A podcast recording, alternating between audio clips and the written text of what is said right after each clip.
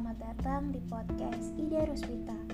Kali ini aku akan membacakan buku How to Change Weakness into Power, Ubah Kelemahan Jadi Kekuatan karya Ruli Nasrullah. Kali ini aku akan membacakan chapter pertama yang berjudul Belenggu-Belenggu Kesuksesan. Selamat mendengarkan. Sebagian orang bermimpi tentang kesuksesan, sementara yang lain telah bangun dan bekerja keras untuk meraihnya. Anonim. Kita dapat membentuk tubuh seperti apa pun yang kita inginkan. Kita bisa saja ingin menjadi tukang pos, seseorang yang menyenangkan, anggota masyarakat yang paling baik dengan banyak teman terbaik. Kita juga bisa menjadi seorang manajer sepatu atau direktur perusahaan yang memiliki jaguar dan rumah di pinggiran kota atau menjadi menteri kabinet yang memiliki dua jaguar. Apa pun yang kita inginkan, kita bisa mendapatkannya.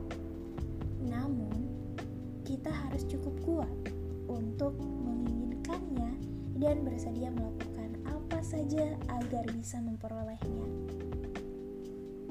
Jika kita hanya tidak akan mencapai apa pun. Hanya ada satu orang yang dapat menentukan bentuk hidup kita. Dia adalah kita sendiri. How are you going to be? Hampir semua buku manajemen populer tentang pengembangan diri menyebutkan bahwa diri kita, apa yang kita pikirkan, dan apa yang kita lakukan adalah cara untuk menggapai kesuksesan. Sayangnya, untuk mencapai kesuksesan yang diinginkan oleh semua orang di dunia ini, ini tidaklah mudah.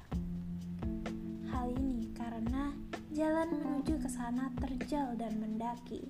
Ditambah lagi ada belenggu yang kita buat sendiri. Dengan demikian, menghalangi jalan kita untuk menggapai keberhasilan. Padahal belenggu itu sebenarnya dapat kita buka asalkan kita tahu kuncinya. Roger Bannister adalah contohnya. Dia adalah seorang pelari jarak pendek yang telah membuktikan cara membuka kunci belenggu diri asalkan kita mau berusaha. Selama beratus-ratus tahun, ada satu rekor dunia di bidang olahraga yang diyakini banyak orang tidak akan mungkin terpecahkan sepanjang masa,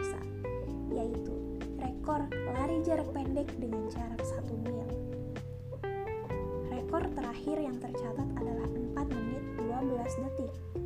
Para pakar olahraga dan kesehatan bahkan sudah mengukur bahwa dengan kemampuan manusia yang paling super sekalipun, tidak mungkin otot manusia bisa digerakkan lebih cepat lagi untuk menembus batas di bawah 4 menit analisa para pakar itu seolah mendapat pembenaran saat dalam berbagai lomba lari berjarak satu mil yang diadakan di berbagai penjuru dunia.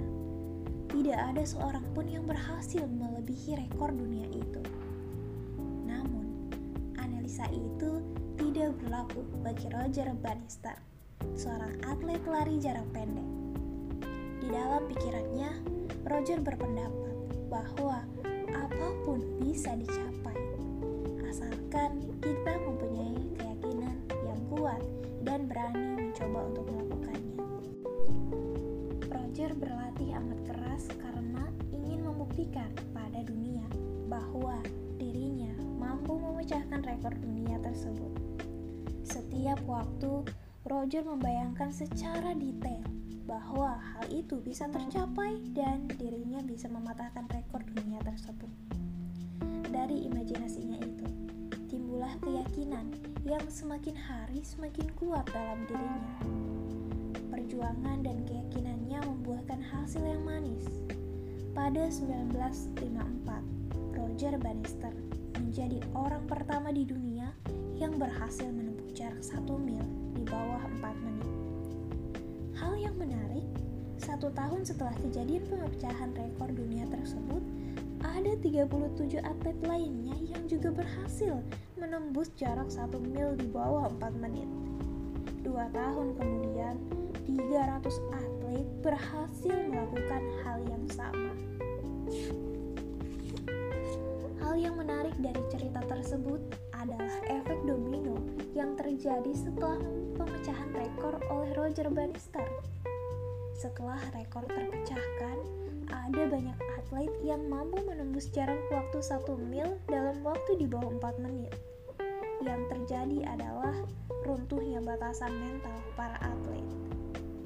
Hanya karena pendapat para ahli yang menyatakan sesuatu hal tidak mungkin, mereka menganggapnya sebagai suatu kebenaran dan keyakinan. Namun, ketika ada seseorang yang berhasil mematahkannya, keyakinan yang lain pun tumbuh. Akhirnya, yang tak mungkin itu menjadi mungkin, bahkan biasa. Dalam kehidupan, kita sering kali membangun pembatas dalam pikiran terhadap segala sesuatu yang ingin dicapai Pembatas tersebut mengajarkan kepada kita untuk bersikap realistis terhadap kondisi lingkungan.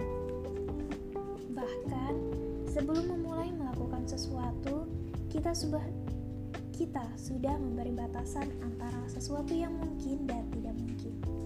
Padahal, untuk membuat kualitas hidup kita naik satu level saja misalnya, diperlukan tindakan-tindakan yang tidak biasa kita lakukan banyak keinginan di dalam hidup kita yang tidak pernah tercapai. Hanya karena kita sebelumnya sudah terhambat secara mental bahwa hal itu tidak mungkin.